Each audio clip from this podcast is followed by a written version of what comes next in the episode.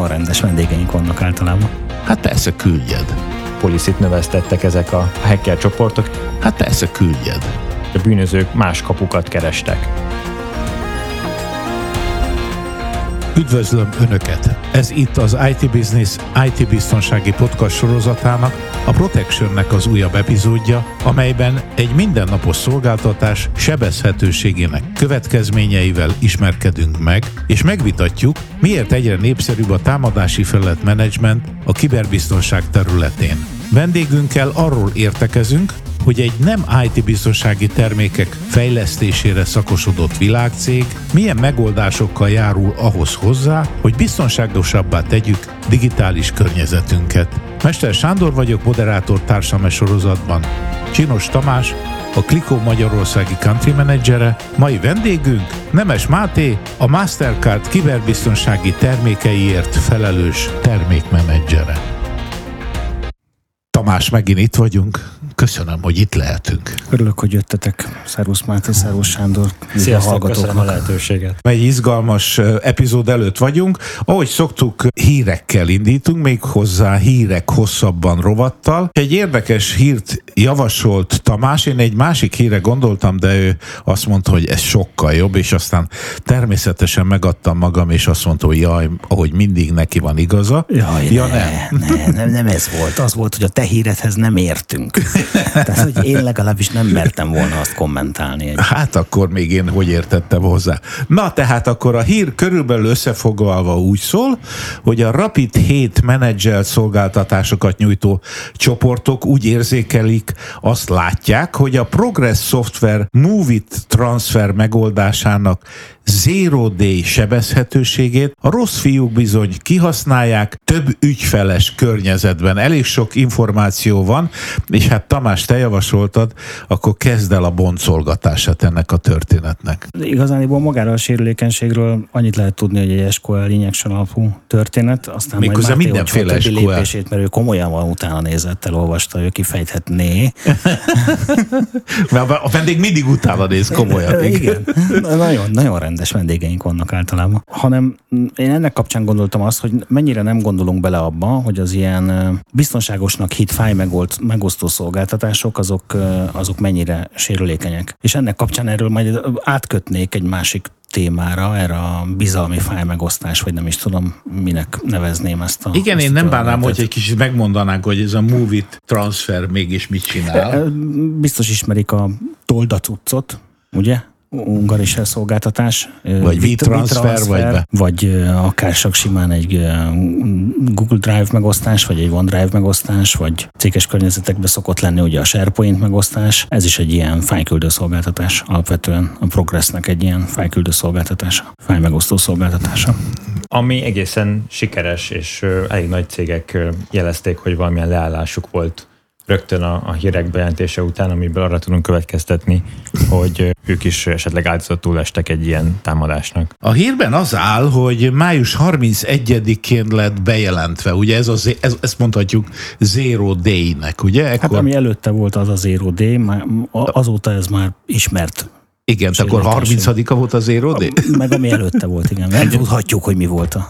Négy-öt napot találtak, amikor már láttak erre igen. utaló nyomokat. Igen. Ami pont elég igazából egy ilyen, ilyen sebezhetőség kihasználásához. Meg tudtak ráírni meg föl szkenner programokat, amik, amik elkezdték vizsgálni, hogy milyen cégek alkalmaznak ilyen technológiákat. Igen, és akkor mégis most is történnek kihasználások, ugye így mondják, exploitation eventek, akkor, akkor ezek szerint nem frissítenek az emberek, vagy megint megint ugyanott vagyunk, ahol mindig is vagyunk? Igen, szó szerint mindig ott vagyunk. Hát elég nehéz azért. Tehát, hogy ha, ha jól emlékszem, akkor a hírben azt, azt írják, hogy kb. 2500 olyan movie instance van, ami nyitott az internet felé, tehát hogy kihasználható. Ennek a nagy része Észak-Amerikában, tehát ott a legelterjedtebb ez a progress megoldás, de a régióból is hallottunk, a lengyel piacról én hallottam, hogy ezzel voltak problémák, meg gondolom Európa más részén is, tehát hogy ezek élő szolgáltatásból bedrótozott háttérrendszerek nagy valószínűséggel, amik erre épülnek, főleg ugye a vállalati környezetben, tehát azt azért annak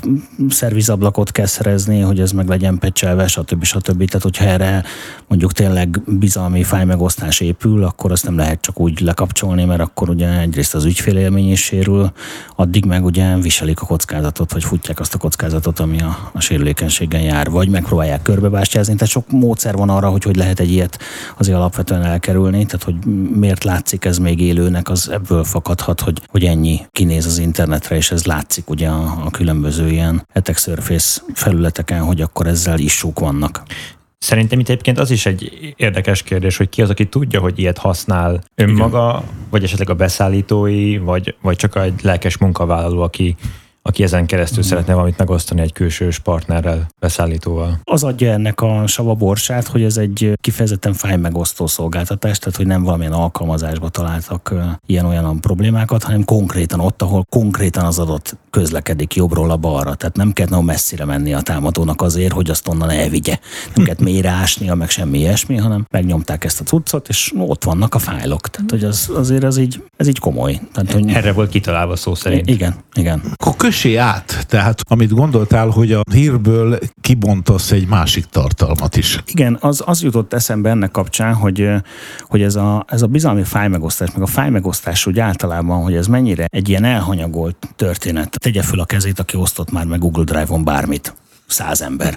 Tegye föl a kezét, aki osztott már meg céges tartalmat. Tegye föl a kezét, aki osztott már OneDrive-on bármit. Megint száz ember. Tehát, hogy ezek ilyen teljesen elterjedt, vagy vitranszferen, vagy toldacuccaton. Tehát ezek teljesen ilyen commodity termékek, és hogy ezeknek mennyire nincs köztudatban az, hogy ezeknek van biztonságos verziója is. Mondok egy példát, és akkor itt jön az valódi átkötésem alapvetően, ugye, hogy főleg a pénzügyi szektorban az, hogy a szervezet hogyan kommunikál az ügyfeleivel, hogyan küld oda fájlokat, az egy viszonylag szabályozott történet. Erre ugye az a jó gyakorlat alakult ki, nem mindenhol használják, hogy nem küldik el az ügyfélnek a fájt, hanem küldenek az ügyfélnek egy levelet, hogy gyere ide, ott egy link, és külön küldök egy jelszót, amivel ezt a fájt te meg tudod nyitni, meg tudod nézni. Legyen szó biztosítási könyvről, bankszámla szerződés módosításról, bármi ilyesmiről. De ugyanakkor még a magyar piacon is vannak olyan pénzügyi szolgáltatók, biztosítók, bankok, konkrétan, mint most a biztosítóra gondolok, aki úgy küld fájt, hogy be, simán becsatolja a levélbe, és ugyanabban a levélben megírja, hogy a születési időpontot és anyád neve első három karaktere. Most, ha valamit ki lehet találni egy emberről, az a születési ideje és anya neve első három karaktere. Tehát magyarul, hogy azt a levelet bárki elkapja, akkor el tudja olvasni a biztosító és köztem lévő levelezést. Hogyha ez cég irányába történik, akkor még egyszerűbb a történet, mert a fájhoz a jelszó, mi a jelszó, az irányítószám és a város első három betűje. Hát egy cégről mi az az első dolog, amit ki tudsz deríteni? A címe basszus, nem? És így vannak titkosítva biztosító által küldözgetett bizalmas pénzügyi dokumentumok. Nonsens. Nálunk ez egyébként néha komoly gondot is jelent, hogy hogyan tudunk biztonságosan kommunikálni a külső partnerekkel. Nekem egy nagyon klasszikus példám van, konferencián adtam elő, és kértem a, a szervezőket, hogy küldjék el a fényképeket. És mondta a, a szervező hölgy, hogy persze szívesen elküldi, de nagyon nagyok a fájlok, úgyhogy ezt nem tudja e-mailben megtenni. Mondta, hogy megpróbálta, de hogy le vannak tiltva náluk a külső fájlmegosztó alkalmazások, hiszen ez a céges policy, hogy nem mehetnek ki fájlok. Majd egy hétre rá jelzett, hogy talált egyet, ami nincsen letiltva, úgyhogy ezen keresztül már sikerült megosztani ezeket a képeket, ami ebben az esetben egy, egy, egy ártatlan kép volt, a másik oldalon viszont bármi lehet, úgyhogy nagyon fontos, hogy a, a humán részét is figyeljük, és, és hogy tulajdonképpen egy szervezetben minden szinten átadjuk azt a tudást, és azt a, a mögöttes gondolatot, és ennek a prioritását azt, azt kiemeljük, mert, mert nem lehet minden technikailag ö, védeni. Igen, azt akartam mondani, hogy nyilván pénzügyi cégeknél minden folyamat le van szabályozva a pénzügyi folyamatok, de vannak cég kapcsolatok, például egy marketingesnek a kapcsolata a külvilággal, egy cég marketingese, például elküldjük neki majd mondjuk a podcast fájt, ami egy, csak egy nagy fájt küldeni képes alkalmazással lehetséges, akkor valahogy neki le kell tölteni, és vajon arra megvannak-e a szabályozások, vagy hogyan, vagy van-e? A letöltésre arra inkább. És azt ne érted, mire, akkor meg visszaküldi. Tehát vala, valamilyen, valamilyen fájt fájlcsere történhet, ami nem pénzügyi jellegű. És azt mondja, hogy hát persze küldjed. Hát ismerek olyan magyar szervezetet, ahol erre a belső SharePoint szervernek egy publikusabb oldalát használják. VPN elérés után lehet hozzáférni a vállalat által beszállítók felé megosztott tartalmakra, ami megint csak nonsens, mert hogyha ugyanaz a SharePoint-ra te rácsatlakozol kívülről, akkor az onnan ugye csak egy ugrás a sugár, és már belülről is látod. Tehát, hogy az, az már bent van, akkor már ben vagy. Tehát, ha ezek nincsenek így elkülönítve, tehát valamilyen biztonságos felmegoszt, nem most nyilván azért beszélek erről, mert nekünk van ilyen a portfóliónkban, és szeretném, hogyha ez tiszta lenne. Nem nagyon beszélünk erről, mert valahogy valamire azt gondoltuk, hogy ez nem egy topik, hiszen ez mindenhol meg van oldva. És nem, nem is nagyon házalunk ezzel a piacon, vagy beszélgetünk erről, mert valamiért nekünk úgy tűnt eddig, teljesen hibásan, most már beismeretem, hogy ez egy megoldott, megoldott dolog. Nem az. Úgyhogy kell ezzel is, ezzel is foglalkozni egy kicsit. Ez azt jelenti, hogy ez ellen a támadás ellen is akkor ezt egy külön cuccot kell beállítani. Ez is egy külön cucc, tehát ez a úgy, úgy értem, történet, igen. ez egy külön, külön erre szól. Úgy értem, hogy a biztonsági értelem. Igen, igen, igen, mindenképp, igen. Tehát nem lehet csak így. Ugye az ilyen nagyon publik fáj megosztásokkal ugye az a baj, hogy ha céges OneDrive előfizetés van, az egy fokkal jobb, de akkor ott ugye nagyon tudnunk kell szabályozni, hogy abban a OneDrive-ba kicsoda és micsodát oszthat meg. Tehát eleve az, hogy oda fölkerülnek esetleg olyan dokumentumok, amik nem kéne, hogy oda fölkerüljenek, ezt hogyan kezeljük, ez egy tipikus DLP issue, tehát hogy magát a dokumentumot minősítsük valahogy, ami közlekedhet kifelé, és ez itt egy kifelé iránynak minősül, hogyha a céges OneDrive-ba kerül megosztásra, illetve az, hogy kiérheti azt el, ezt is ugye minősítsük, tehát egy identity kezelési kérdésünk is lesz, lesz hirtelen. Ez még a jobbik verzió egyébként, erre ugye vannak már teljesen standard, mondhatom, hogy felhő alapú megoldások, nyilván hiszen felhős fáj megosztásra felhő alapú megoldással tudunk hatékonyan védekezni, ezeket, ezeket hívjuk ugye kezbének. Plusz egy DLP funkcionalitás, ami ebbe be van építve, hogy a fájtípusokat és a fáj tartalmakat, ami sokkal fontosabb, ki tudjuk kezelni, mert már teljesen standard megoldásaink vannak. Jó lenne, hogyha ezeket használnák is. De ez még mindig nem mentesít attól, hogy mondjuk egy ilyen sérülékenység felbukkanjon bármelyik szolgáltatásba. Tehát ebben, miatt ezt a hírt betettem, nem is igazán maga a hír. SQL injectionről van szó. Minden nap van ilyen hír, gyakorlatilag bármi, hanem hogy egy olyan szolgáltatásnak a sérülékenységére hívja fel a figyelmet, hasonló szolgáltatásokat széles körben használnak itthon is. Ki tudja, hogy azok milyen sérülékenységeket tartalmaznak, ahelyett, hogy valamilyen páncélszekrény, tehát ilyen volt alapú biztonsági felmegosztást használnának, aminek nagy valószínűséggel sokkal kevesebb kitettsége van, mint egy ilyen generikus fájmegosztó megoldásnak. Nem beszélve arról, amit említettem, hogy itt csak így becsatoljuk a dokumentumokat, küldözgetjük teljesen kitalálható passzfördökkel. Máté? Én egy másik aspektusát is szeretném megvilágítani ennek a, a hírnek, ugyanis tulajdonképpen a szervezet, aki ezt a vulnerability-t ezt megtalálta, és úgy tűnik, hogy elkezdte kihasználni. Ő publikálta a weboldalán, vagy az elérhetőségén, hogy akkor várja a váltságdíjakat az adatokért, hogy ne törölje azokat. És egy nagyon érdekes feliratot helyeztek még oda el, hogy ők tulajdonképpen penetration tesztet árulnak. Miután megtörtént a penetration, utána ők nem zsaroló vírusokat üzemeltetnek, hanem penetration testing after the fact. Ez, a, ez az adott ransomware. Igen. Hmm. Tehát, hogy, hogy, hogy hmm. esemény után pen- utána penetrációs teszt. Már így jól is hangzik. Abszolút, igen. Ez nagyon jól rávilágít szerintem arra, hogy mennyire átalakultak ezek a, ezek a hacker csoportok, és, és hogy teljesen máshogy viselkednek, mint régebben. Gyakorlatilag akár ilyen multinacionális bandáként is gondolatunk rájuk, vagy szervezetekként, ahol van szabályrendszer, van HR, vannak mostanában már bug bounty díjak is. Talán a Logbit ransomware csapat hirdetett meg egy millió dollárt annak, aki valamilyen sebezhetőséget talált ezen a ransomware-em. Úgyhogy teljesen máshogy működnek, mint, mint régebben. Egy másik része viszont a, a, ugyanennek a posztnak az az, hogy azt is kiírták, hogy ha a rendőrség, vagy, vagy állami, vagy önkormányzati adatokat találtak ezzel a sebezhetőséggel, akkor nem kell aggódni, mert ezeket már törölték. Elgondolkodhatunk, hogy ez most Igen, a de állampolgári... elhiggyük így bemondáshoz. Egy másik példát hoznék ide, szintén, a, ha jól emlékszem, akkor a Logbit csinált egy hasonlót. Egy kanadai gyermekkórházat törtek fel, és, és vitték el az adatokat egy ransomware és egy idő után posztolták a decryptor kulcsot a Logbitnak a, a fejlesztői, tulajdonosai, és utána pedig azt állították, hogy ez tulajdonképpen egy, egy affiliate tag volt csak, aki ezt használta, megvette a licenszt kvázi pár száz dollárért, és kizárták ezt a, a membert a, az affiliate programból arra hivatkozva, hogy az ő policyban benne van az, hogy ember életet nem veszélyeztethetnek. Oh, policy. policy. Hacker oldalon policy. és, és ez megint csak arra utal, hogy hogy most lehet, hogy, hogy valójában az van mögötte, hogy jobban félnek attól, hogyha emberéleteket veszélyeztetnek, mert akkor mondjuk jobban rájuk áll a rendőrség vagy a megfelelő szerv, de az is elképzelhető, hogy már poliszit növesztettek ezek a hacker csoportok, és, és gyakorlatilag tényleg ilyen multinacionális szervezetekként, cégekként működnek. Tehát a hackerek poliszit növesztenek maguknak, ahogy Máté mondta, és szerintem ezt bele kell vésni a mi naplóinkba, hogy ez elhangzott itt nálunk.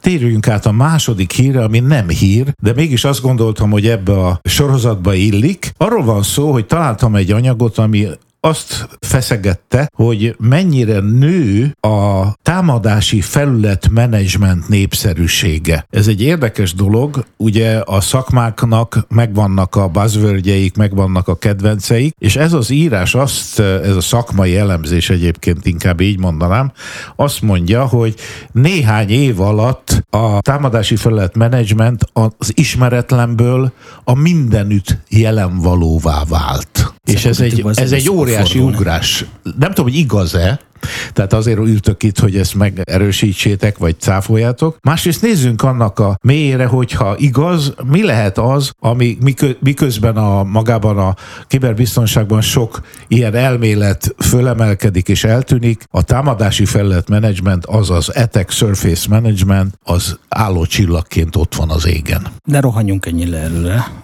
azt gondolnám, hogy állócsillagként ott van az égen. Tehát, hogy ez De egy, milyen szépen mondtad, de azért igen, Zseniálisan tényleg, tehát csodáltal adózunk költői vénád előtt, de ez egy két éve van ez a sztori, körülbelül, legalábbis én akkor tájt hallottam talán róla először. Valóban felébelőben lévő történet, magáról a termék kategóriáról, vagy megoldás kategóriáról az a véleményem, most már így pár év tapasztalat, hogy várjuk ki a, a végét, mert ez is nekem nagyon olyannak tűnik, ami sokkal inkább be fog illeszkedni valamilyen más rendszerbe egy funkcióként, funkcióhalmazként. Rengeteg ilyet ilyet láttunk az elmúlt, nem tudom én, 8-10 évben, hogy jött az új megváltó technológia, most ma már az előbb szóba került a Kezbi, hogy akkor Kezbi, aztán ugye az beépül ugye a SSS a megoldásokba, tehát hogy így, így szóló termékként így nem nagyon. Vagy megint csak ugye a viselkedéselemzés, tehát a UEBA, User és Entity Behavior Analytica, ez is egy külön termékkategória volt, amikor meg, megszületett, és azóta hogy leszivárgott gyakorlatilag mindenhová, külön termékként már nem nagyon éri meg megvenni, hanem hanem megvesszük integráltan a naplóelemzőkkel, megvesszük integráltan a DLP rendszerünkkel, integráltan van egy Network Detection and Response rendszerbe, tehát hogy ez is funkciósodott. Annak ellenére, hogy akkor, amikor ez kitalálódott, akkor ez egy dedikált termék vagy megoldás kategória volt. Nekem az ASM-mel kapcsolatban is ez az érzésem, hogy az, hogy Attack Surface menedzselünk, ugye ez egy olyan külső forrásból szerzett információ, tehát ezt nem biztos, hogy nekünk kell egy ilyet üzemeltetni, hanem jó az, ha valaki ezt más üzemeltetve nézi a mi szervezetünket kívülről, és ebből nekünk a riportok lesznek a lényegesek, hogy mi az, amit ezek a rendszerek találnak rólunk, Nekem ez nagyon hasonlít arra a metódusra, hogy a CTI, a Cyber Threat Intelligence rendszerek működnek, hogy nem mi üzemeltetjük a adatösszegerebéző, vagy az információ összegerebéző kiberkém központot, hanem megvesszük ezt a szolgáltatást egy erre szakosodott szolgáltatótól. Én azt gondolom, hogy az ASM-nek Zabi testvére, vagy hogy, hogy mondjam, ez a CTI rendszer, előbb-utóbb én, én most ezt érzem, aztán kövezzetek meg, ha nem így lesz. Egy-két éven belül ezek össze, össze fognak találkozni, tehát az egyik cégek föl fogják vásárolni a másik cégeket, és össze, összerakják ezeket a képességeket egy, egy termékbe. De az nem igaz, ami egyébként ebben az elemzésben is van, hogy egyébként a rendszereknek a sebezhető felülete az növekszik. Abszolút. Mivel, hogy egyre Ezt újabb... Az elején fölvezetni, hogy mi is ez, hogy etek Surface. Igen, igen, igen. igen. Ezt, ezt, ezt, itt kimaradt. Vigyem én ezt? Igen, igen, igen. Nem, mondhatod. Nem akarok elnyomni benneteket. Na, na, na, de végre beszélsz, érted? De hogy itt arról, arról van szó, ugye, hogy azt a, azt a felületét nézzük egy szervezetnek, ami kifelé látszik, vagy látszhat. Azaz kívülről direkt, sebezhető, ez igen, a lényeg. Igen, nem feltétlenül direkt látszik, ez lehet véletlenül is látszik. Látható, véletlenül látható, valaki kipublikált egy, egy tanúsítványt valahova, rossz helyre mentette, például egy webszerver tanúsítványát, és az így direkt elérhető, vagy ugye egy csomó ugye digitális transformáció, csomó applikáció kimegy a felhőben, workloadok ott vannak, rosszul vannak konfigurálva, tehát láthatóak bizonyos részei, aminek nem kéne láthatónak lennie. Ipar 4.0 rendszerekben, a PLC-től az IoT, hát, rendszer, IoT eszközikig mindenféle, igen, erről ugye? Volt, vannak kedvenc példáink, igen, amikor a hűtő kilátszik, és látom, hogy 6 kg marhahús van benne. Igen, tehát nem csak számítástechnikai eszközökre kell gondolni. Igen. Próbáltatok az utóbbi időben légkondit venni? Nem. Mindegyik wifi arra gondolsz? Az összes wifi Összes wifi Tehát, hogy most már keresni kell, és lassan feláras lesz szerintem, amiben nincsen valamilyen ilyen jellegű intelligencia, amit otthon egyszer felkalibrálsz, és utána elfelejted az egészet. Is. A mosógépet is, meg a szállítógépet is tavaly vettem, mind a kettő wifi is. Én tök őszintén megmondom, hogy nem értem, hogy miért kéne az. Én mondjuk fosok ott hagyni a lakásban egyedül ezeket a gépeket, mert vízzel dolgozik, meg árammal, meg forró Én is úgy vagyok vele, ha mosógép, akkor ott, ott állok mellett. Hát azt mondjuk, azt így nem, de, de hogy nem, nem várom el tőle, hogy engem a felhőn keresztül pusünezetben értesítsen, hogy lejárt a mosás. Tehát, Jó, akkor nagyjából körülírtuk, hogy mit értünk a támadási felület ten, és annak a menedzsmentje mit jelent? Tehát itt ez az érdekes, hogy hogyha én tudom, hogy mekkora a felületem, akkor azt csökkenthetem például. Igen, igen, persze. Hát a felületből egy csomó dolog teljesen feleslegesen van kint, ugye? Látszik. Tehát, hogy erről, ha információt kapunk, akkor azt tudunk ellene tenni, hogy ne látszon. Tehát, hogy tudjuk szűkebbre szabni ezt a támadási felületet, vagy hogyha ugye direkt látszik, mint mondjuk a weboldalunk, ugye az egy tipikusan egy ilyen dolog, akkor azt tudjuk megfelelően védeni, hogy a DOS meg egyéb rossz indulatú támadások ellen megfelelő technológiákkal. De tudunk róla tenni, ha nem tudjuk, hogy látszik mondjuk egy belső alkalmazás véletlen ki van publikálva, és nem tudjuk, hogy látszik, akkor azt se tudjuk, hogy azt meg kéne védeni. Egyrészt, másrészt nem tudjuk, hogy az kívülről támadható. Kicsit olyan, mint egy, ha egy kávézót üzemeltetnél például Sándor, amikor megvan az étlap, megvan a világítás, be van rendezve, akkor utána végignézed a zárakat például. Az, hogy hátsó ajtón milyen a lakat, az, hogy el van erepedve az ablak, az, hogy megfelelően kalibrálva van a biztonsági kamera, a távfelügyelet, és hogyha tudod, hogy mondjuk a hátsó lakat az csak egy ilyen tucat lakat, amit gyakorlatilag bárki pár másodperc alatt kinyit, akkor le tudod azt cserélni. És ugyanúgy végig tudod nézni elméletben a saját infrastruktúrádat, architektúrádat, hogy nincsen esetleg olyan sebezhetőség rajta, ami valamilyen problémát jelent a későbbiekben. Igen, ehhez vannak túlok, tehát vagy eh, hogyan történik, ha nem kívülről kérem, mert én azt nagyon okos megközelítésnek tartom, hogy ahogy van penetrációs teszt, ugyanúgy lehet egy ilyen attack surface management teszt, hogy akkor most akkor mi látsz, hogy kívülről. Igen. Bár a penetration az szinte ugyanez, nem? Vagy? Hát nem egészen, ott ugye... Ott is keresik a, a, a behatolási lehetőségeket. Nem feltétlen, tehát hogy azok általában én azt mondom, hogy sokkal inkább célzott pentesztek, tehát amikor azt mondja a megrendelő, hogy ezt a rendszert kéne megnézni, hogy törhető-e, és akkor konkrétan azt a rendszert próbálják törni, olyan, hogy általánosságban, hogy akkor mi látszik belőlünk kifelé, azt nem pentesztelni szokták, mert, mert azt fölösleges lenne pentesztelni, hanem meg baromi hosszú, míg összeszedi a pentester cég, hogy mi az, ami, hanem erre való ez a Attack Surface Management rendszer, hogy összegerebézze. A, a költségtényezőt sem felejtsük ki, tehát az, hogy egy, valaki egy pentesztelést megrendel, végig visz projektmenedzserrel, szakértőkkel, az jelentős költséggel bír, míg most már vannak olyan elérhető technológiák, amik gyakorlatilag automatikusan, akár proaktív módon tudnak jelezni egy szervezetnél valamilyen hiányosságot, vagy szertifikáció lejártát, egy új IoT eszköz megjelenését, pecselési kérdéseket. Hát így van, a Pentestnek az a egyik hátránya, hogy egy pillanat felvételt ad, és attól a, a másik hátránya, hogy a CISO el is hiszi, harmadik hátránya, hogy a CEO is elhiszi, és akkor mindenki nyugodt közben, a, a, lehet, hogy már második pillanatban e, sebezhetővé válik valamilyen változás miatt a rendszer, ugye? Hát és gondoljunk bele, hogy milyen gyakran vannak release egy, egy nagyobb digitális szervezetnél, elvárják a felhasználók, hogy ö, havonta jön ki valamilyen új funkcionalitás, vagy esetleg tényleg kell is release valamilyen patchelés, vagy, vagy rendszer upgrade miatt. Bár bármilyen ilyen jellegű konfigurációs változtatás, az, az kiterjesztheti mondjuk a, ezt az attack surface-t, vagy a ezzel kapcsolatos kockázatokat. Akkor Máté, valljál szint. Szerinted növekszik az ASM-nek a népszerűsége, a hatóereje, fontossága, vagy én azt is el tudom képzelni, hogy enélkül is meglennénk más módsz, másnak hívva a dolgot, nem egy narratíva ez? Valahogy átfogalmazod a mondatokat, és akkor az, azt nézed, hogy kívül mennyire vagyok sebezhető. Hát ezt amúgy is szoktam figyelni, nem? Mm. Vagy ez jó, oda, oda irányítja a figyelmet, hova kell. Szerintem mindenképpen növekszik az ilyen jellegű szolgáltatások népszerűsége is, illetve maga, maga az Attack Surface is. Gondoljunk abba bele, hogy régen hány partnere volt mondjuk akár a, a Klikónak, akár egy másik digitális cégnek, hány beszállítója volt, hány, hány vásárlója, hány end usere, és ezek hatványozottan nőttek az utóbbi időszakban. Volt egy Covid, mindenki behozta az irodába, a, a, vagy hát sok cég behozta az irodába az otthoni készülékeket, otthoni elérést kellett biztosítani, aztán itt van egy ilyen IoT boom, ami említettetek ti is, hogy, hogy, hogy az ipar 4.0-ban mindenhez szenzorokat fogunk bekötni, amik muszáj, hogy a, a belső házaton legyenek, illetve a beszállítói láncok is sokkal bonyolultabbak, és ö, egymásra sokkal jobban összelettek kötve. Hozhatok még egy analógiát? Ahogy ne. Tehát ez a Pentest VS sérülékenység management, kérdésköre, ugye a sérülékenység menedzsmentet a sokan keres, keverik a sérülékenység vizsgálattal, ami mondjuk egy, akár egy pentest is lehet, de hogy az, ahogy mondtad, az egy pillanatfelvétel, a sérülékenység menedzsment, meg ugye egy folyamatos belső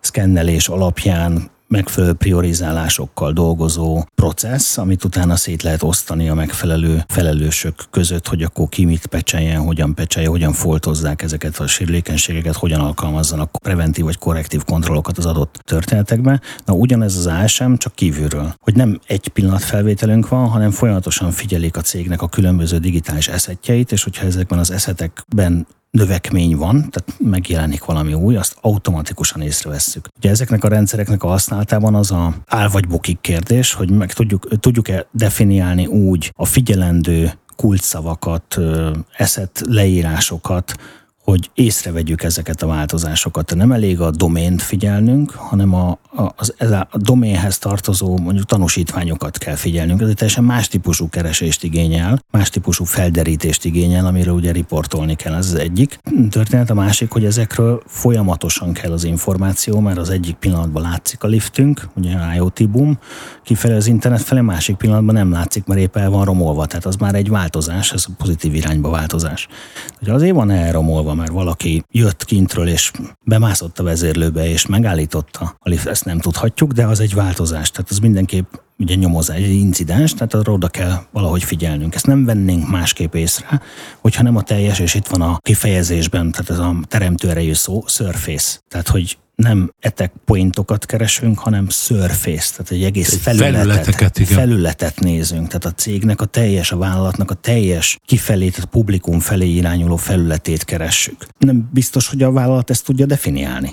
Ugye ez is egy nagyon fontos, nem tudja, fontos hogy dolog. Mit, nem mit tudja, keres. hogy milyen van kifelé. Tehát ő nem tudja, hogy mit kéne mondjuk megpenteszteltetni, ha egyszerűen nem tudja, hogy az publikus. Ezért vannak ilyen szolgáltatások. Úgyhogy ez mindenképp egy előremutató történet, és ez, ez nőni fog. Itthon is egyébként elég nagy érdeklődés tapasztalható. Több olyan gyártónk van, akinek van ilyen megoldása. Tehát, hogy... ez, ez egy szolgáltatás, vagy egy doboz, vagy ez felhős egy történet, egy igen, szoftver ez a service? Igen, igen. Igen. Uh-huh. És akkor az, ahogy mondod, az állandó, tehát nem úgy van, hogy ja, hát az, az be van kapcsolva, és figyelje. Hogy valaki figyeljen, igen. Tehát ez olyan, mint hogyha nem tudom, nem belső őrséget alkalmazna egy cég, hanem külső figyelőket, hogy kívülről uh-huh. nézzék a telephelyet, hogy mi van, mert az őrséget azt a kapuba teszem. Ugyanígy gondolkodnak a, a bűnözők is, ugyanúgy automatizáltan keresik az, pont az ilyen elévült szerteket, esetleg egy, egy kritikus pecselés hiányát. Például a 2021. decemberi Log4j sebezhetőségnél is azt láttuk, hogy, hogy gyakorlatilag órákon belül készen voltak azok a szkennerek, amik az egész világhálót keresték ilyen kint lévő foltozatlan sérülékenységek ellen, tehát érdemes hasonló szolgáltatásokkal védekezni ugyanilyen sebezhetőségek ellen akkor konszenzus van, hogy az állítása a cikknek, hogy növekszik ennek a jelentősége, népszerűsége, bárhogy is vesszük, ez igaz, ugye? Abszolút. Igen.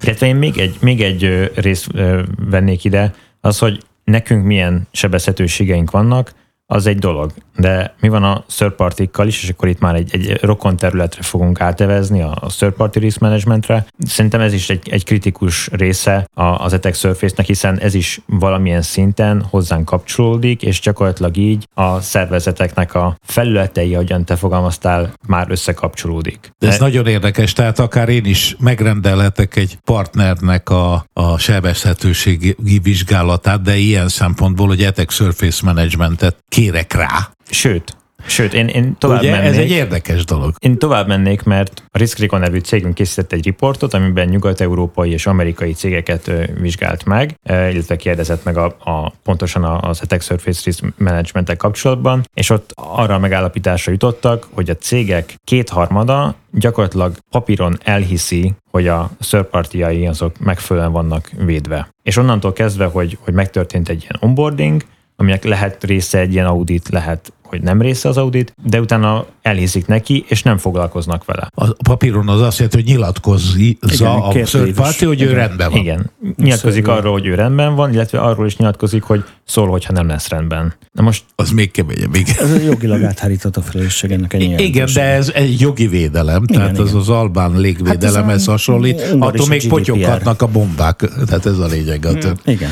ebbe az irányba is érdemes elkezdeni vizsgálódni, hogy hogyan tudjuk azt biztosítani, hogy ne csak a saját védelmünk legyen megfelelően karbantartva, hanem szintén beszállítók, partnerek, ügyfeleink is megfelelően védve legyenek, hiszen ezek a, a reputációs veszteségek, a, vagy potenciális reputációs veszteségek, ezek ránk is ugyanúgy igazak. Amikor azt mondtam, hogy mi van akkor, hogyha egy partnerre rá irányítunk egy ilyen Attack Surface Management vizsgálatot, vagy rá irányítunk egy szolgáltatót, akkor Tamás így ingatta a fejét. Az van, hogy nem, nem vagyok teljesen a jogi oldalnak Jogilag én- én se, szakértője, de nekem úgy rémlik, hogy ilyet nem csinálhatunk. Egyébként, tehát hogy én nem, nem bízhatom meg a Attack Surface Management szolgáltató cégemet, hogy vizsgálja meg a nem tudom én. Vagy IT figyelje business-t. meg, mert ez, figyelj, ez ugye állandóan, nem vizsgálja, hanem figyelje tehát, meg. Szerintem nem is nyel, nyeli be. Tehát, hogy amikor ilyen, ilyen rendszert pocolunk, akkor ott a, a, a gyártó, akinek a rendszerét be akarjuk mutatni, az ugye úgy indul, hogy akkor bekérjük a,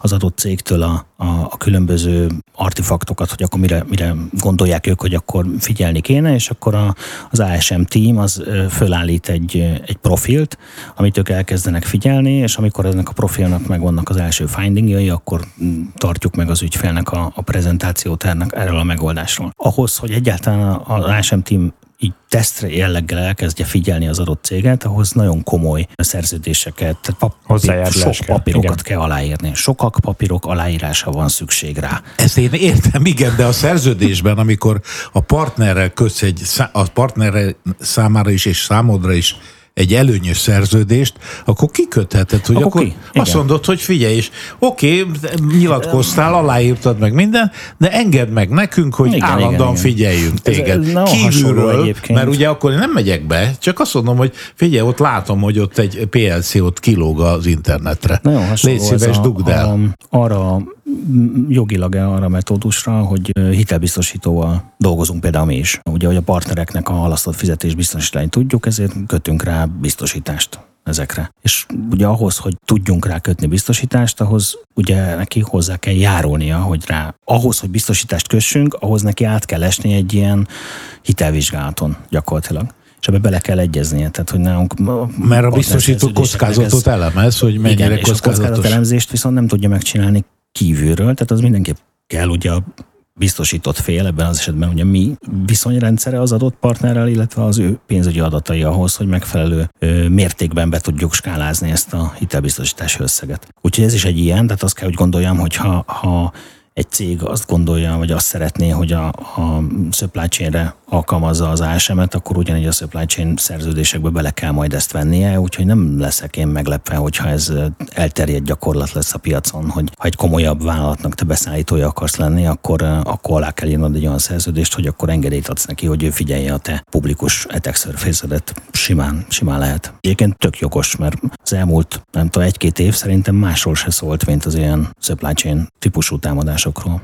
És ezt valahol a szabályzó is felismerte, és Igen. egyre oly, több olyan szabályzás van Európában, amik pont erre mennek rá, jogilag nem vagy alig áthárítható felelősség a saját beszállítókért, illetve eh, azok működéséért. Azt gondolom, hogy egy érdekes témát találtunk, amiben még rengeteg fejlemény lehet. Én is azt gondolom, hogy a terjedése még ilyen supply chain irányban is meg fog történni. Máté, elhívtunk téged ide beszélgetni, nem csak azért, mert értesz a kiberbiztonsághoz, mint ahogy gondolom a hallgatóknak kiderült ebből a pár percből, amikor híreket kommentáltunk, hanem a Mastercardnak egy olyan részén dolgozol, ahol kiberbiztonsági megoldásokat készítenek, amit így már elmondva is ilyen szürreálisnak tűnik, hogy egy kártya üzemeltető, egy világhírű cég mi, mit, mi van? Tehát, hogy akkor kiberbiztonsági megoldásokat is csináltok, reszelgettek, vagy hogy van ez? Valahol a Mastercard 60 éve kiberbiztonsággal foglalkozik. Tulajdonképpen mikor volt az utolsó, amikor arra gondoltál, hogy biztonságos az ott fizetés, amikor odaérinted a telefonodat vagy a kártyádat a terminálhoz? Nem, soha. Soha. Egyébként Mastercard felhasználó vagyok, ezt el akartam mondani. Sokan ezt, ezzel kezdik a beszélgetéseket. De az Apple Payment is megy, de azért az megjegyzem, igen? Hát ott, ott, ott valami és kártya alatta, van alatta hát, ez van. Az vagy Apple Pay mögött ugyanúgy a Mastercardnak a, a tokenizációs megoldása működik, és mindig azt a, a balanszot kerestük, hogy a gyorsaság, a kényelem és a biztonság az, az összhangban legyen. Ha visszagondoltok, ott volt a mágnes csíkos kártya, vagy előtte még a, a híres vasaló, ami me.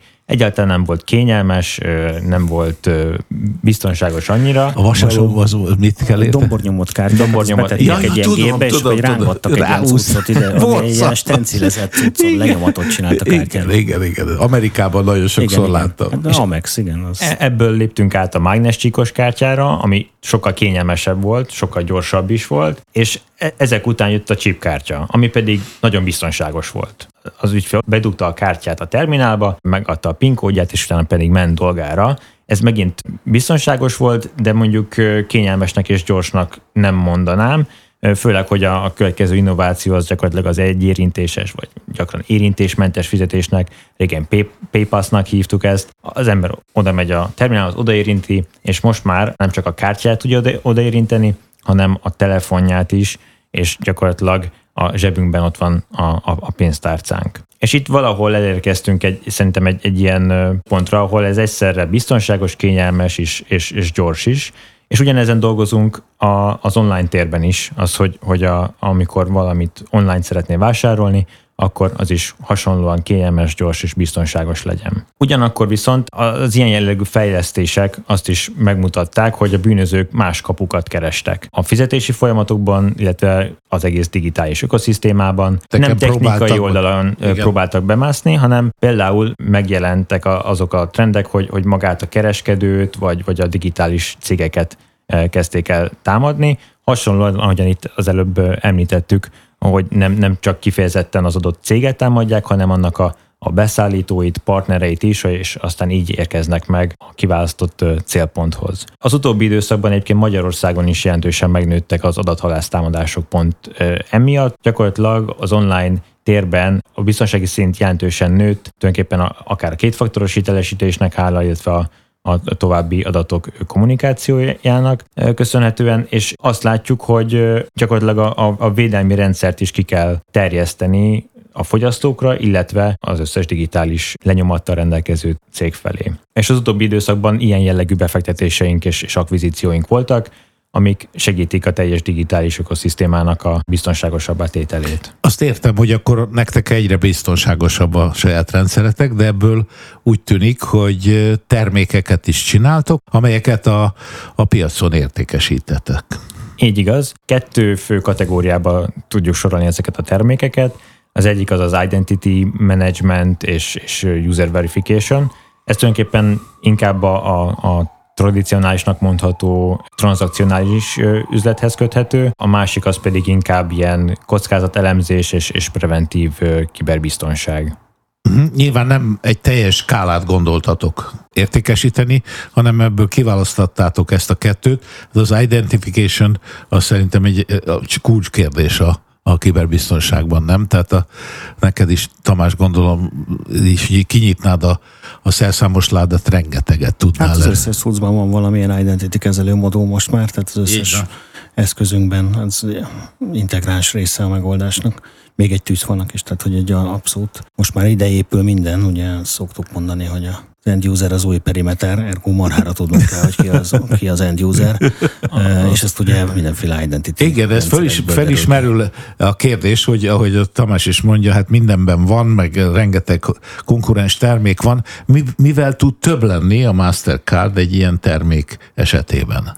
Az Identity Verification-nél alapvetően két oldalról is megvizsgáljuk a, a felhasználókat, hogyha ilyen helyre tévednek. Az egyik az maga a felhasználói adatok, amiket megad mondjuk egy, egy regisztráció, egy onboarding, vagy, vagy éppen egy, egy vásárlási folyamat során. A másik oldalon pedig azt is vizsgáljuk, hogy milyen környezetből érkezik az adott felhasználó, lehet ez egy teljesen idegen felhasználó is, illetve azt is megvizsgáljuk, hogy, hogy az adott oldalon hogyan viselkedik. Itt most nem, nem azt kell érteni ezzel, hogy megnézzük a webkameráját, meg semmi ilyesmi, de jól elkülöníthetőek például egy-egy ilyen támadás során az, hogy milyen böngészőből, milyen IP címről érkezik, hasonlóan, mint, mint a nagy szervezeteknek a különböző védelmi vonalai, de ezt egy például egy, egy nagy kereskedő, digitális cégek tudják alkalmazni a, a felhasználóik felé. Tehát mondjuk online kereskedelemről van szó, online tranzakciók történnek, egy weboldalon például leegyszerűsítve egy webáruház is lehet ez, ugye? Igen. És, és ott a viselkedésből nem csak a verifikálja, hogy kiről van szó, hanem a viselkedés abnormalitásait felfedezi?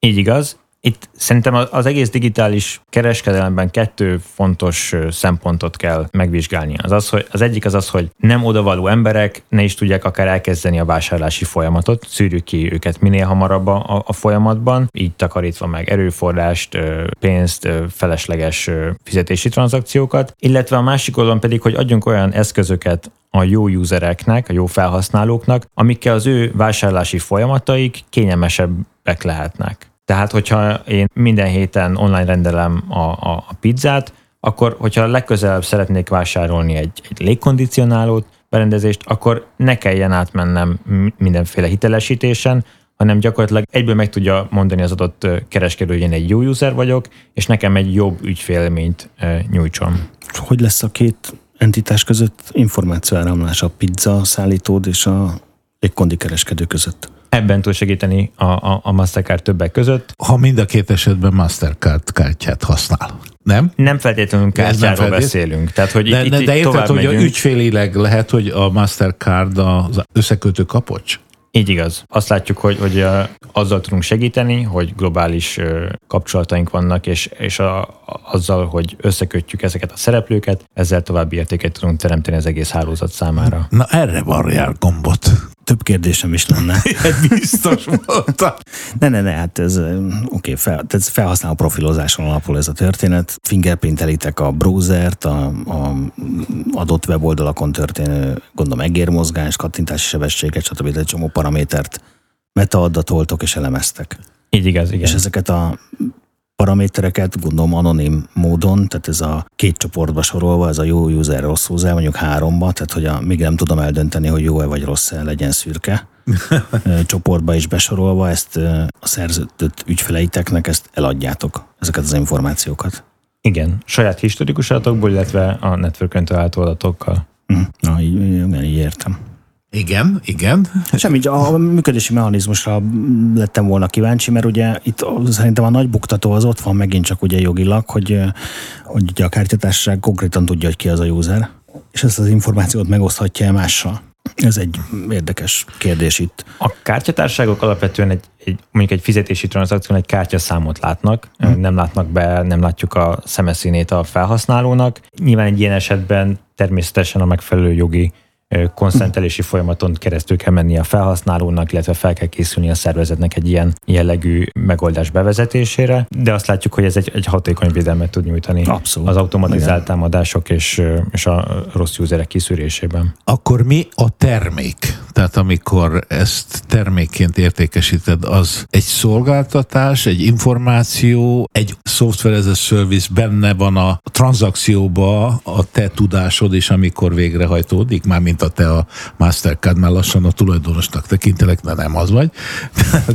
hogy így, így kell ezt érteni? Igen, ezek alapvetően felhő alapú szolgáltatások, illetve van több API hívás, ami tud segíteni egy felhasználói folyamatban. Igen, tehát hogyha mondjuk van egy ilyen azonnali fizetési dolog, akkor ezeken millisekundumokról beszélünk, jól mondom? Csak is real-time-ról beszélünk, igen. Azért ez azért nem rossz, nem? Nem, abszolút nem. Igen. És akkor itt nyilván a, aki igénybe veszi, az szerződik veled, és akkor ezt technikailag meg kell oldani, hogy ez, hogy mondjam, a, a, a tranzakciókezelő folyamatban benne legyen, és akkor megy a történet. És mi az ügyfél élmény már most úgy használva, nem aki fizet, hanem aki veletek szerződésbe lép, hogy csökkennek a fródok, a, az átverések, a visszaélések? Igen, nagyon jó eredményeink vannak eddig elsősorban a, az Egyesült Államokban voltak ilyen jellegű kooperációk Fortune 500 cégekkel, de Magyarországon is dolgozunk ilyen projekteken. Tamás, mit gondolsz? Hát ez nagyon rendben van, nem? Hát nagyon rendben, itt nem akarok sötét képet festeni a ti magyar képes piac, rá. Egyébként képes magyar piacbeli kilátásokról, de hogy amikor az online kereskedők azon küzdenek, hogy kifizessék a villanyszámlát, nem biztos, hogy erre fog sajnos, nem biztos, hogy erre fognak költeni, hiszen más védelmi megoldásokra sem költenek. Mondjuk valószínű, hogy ha valamire fognak, akkor erre inkább fognak, mint mondjuk egy jó minőségű, nem tudom én, ilyen olyan olyan preventív kontrollra, mert ez egy jó pufa sztori, és elég hatékonynak hangzik abból, amit, amit elmondtál. De várj, várj, várj, amikor benne van a fizetés, akkor ott megjelenik a bank is. És ő, ugye ő is egy játékos ez, ebben a történetben. Ez, ez a fizetés közben is lehet, de előtte is. Bármiféle I, Igen, ezt akartam, hogy így van. Tehát a fizetés, hogyha a banknál bevezeted ezt a cuccot, már az védi a, a tranzakciókat általában, ami a bankon keresztül végbe megy, nem? A, a tranzakciós adatokat korábban is felhasználtuk ilyen jellegű védelemre.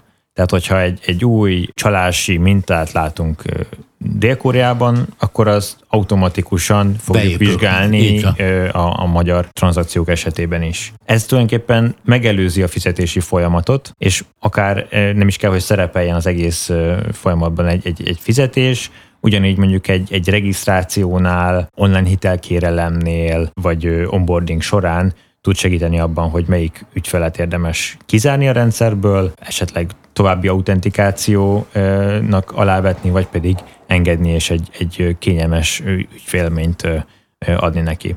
Nagyon egyszerűen például akár egy, egy jelszó menedzsmentben is segíthet. Van olyan szolgáltatásunk, Nuditeknek hívják, ami tulajdonképpen úgy működik, hogy én beírom a jelszavamat, odaadom a gépemet, vagy a saját felületeden megpróbálsz belépni ugyanabba a fiúkba, ugyanazzal a jelszóval, és nem fog menni. Meg, megvizsgálja azt, hogy, hogy hol van az az eszköz, korábban láttam már a hálózaton, illetve a, a viselkedési mintáidat is meg tudja vizsgálni és hasonlítani az én, összesen az én viselkedési mintáimmal. Ebben nem ez a nagy, szerintem nem ez a nagy cucc, hogy akkor milyen patterneket metadatolnak és osztanak meg, hanem hogy ez nem a bank oldalt védi, hanem ez a kereskedői oldalt védi. Az, hogy mögötte van egy komplet fizetési rendszer, meg azonnali átutalás, meg kétfaktoros autentikáció, meg fölúrik neked az, az ablak, hogy te jóvá hagyod ezt a vásárlást, vagy nem, ez EU-s előírás, annak így kell lennie, Aha. az egy, egy, dolog.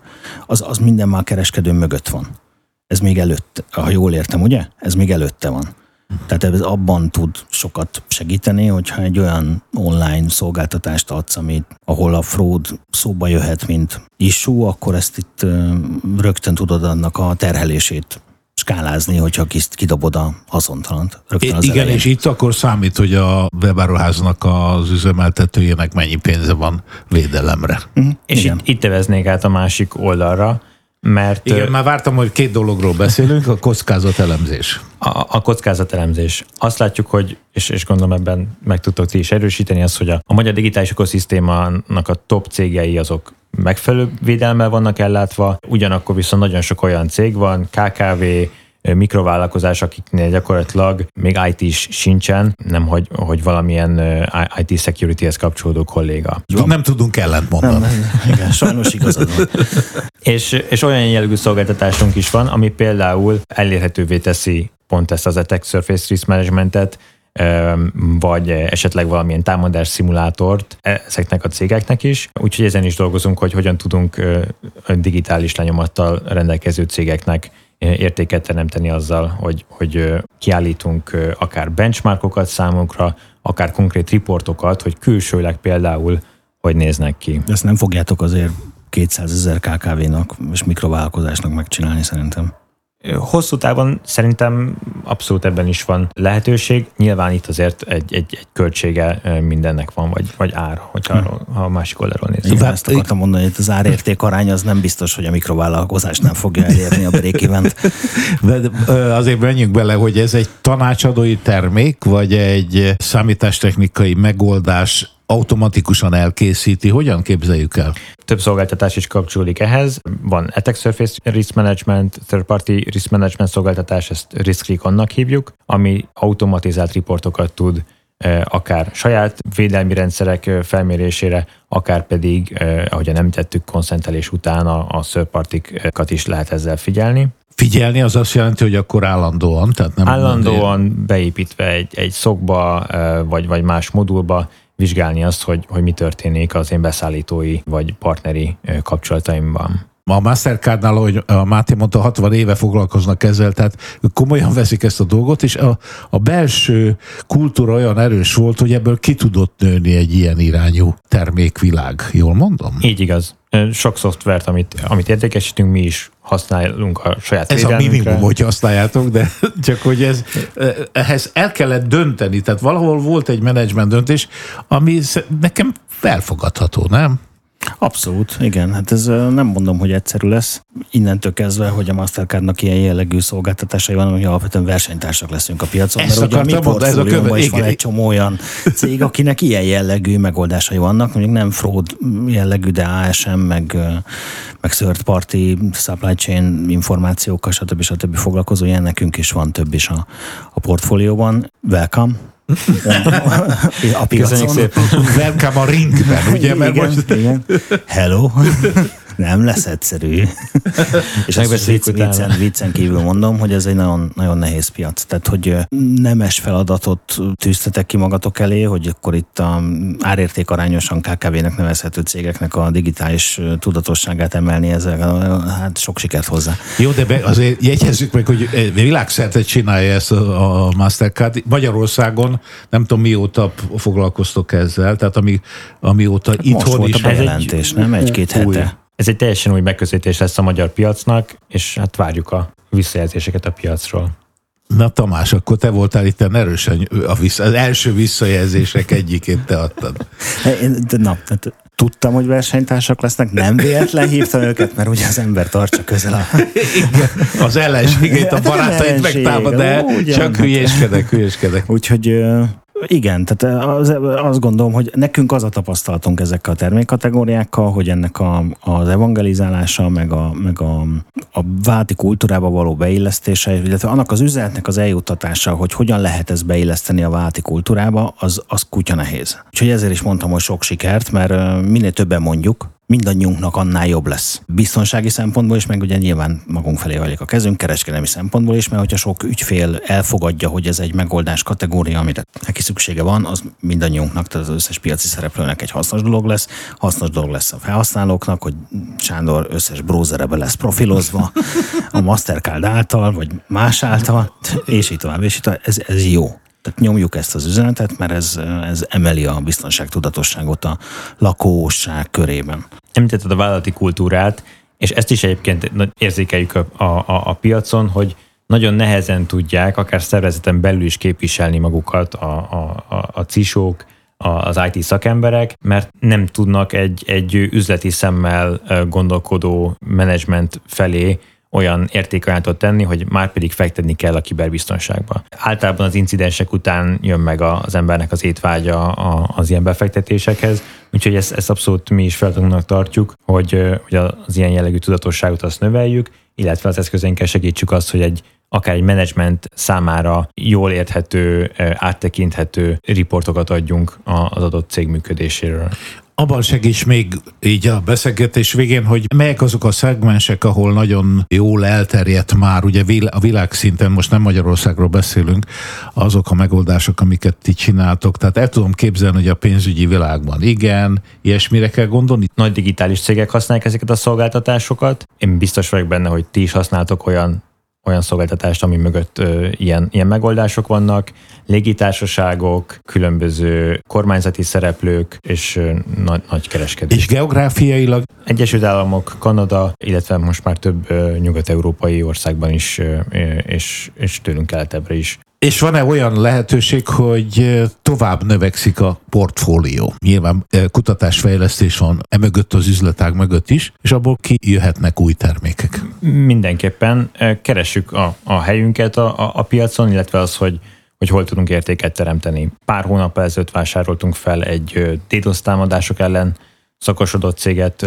Kicsodát? Ezt lehet tudni? Buffin Bay Networks. Oh, okay. De ehhez hasonlóan van egyéb kockázatkezelési megoldásokat szolgáltató cég is a portfólióban, és folyamatosan nézzük a, a, a piacot, és, és hogy mire van szükség. Hát Tamás, nagyon köszönjük, hogy itt lehettünk. Örülök, Máténak nagyon köszönjük, hogy ilyen érdekes epizódát tette ezt a mostani beszélgetést. Köszönöm, Köszönöm szépen, szépen és a hallgatóknak pedig köszönjük a figyelmet.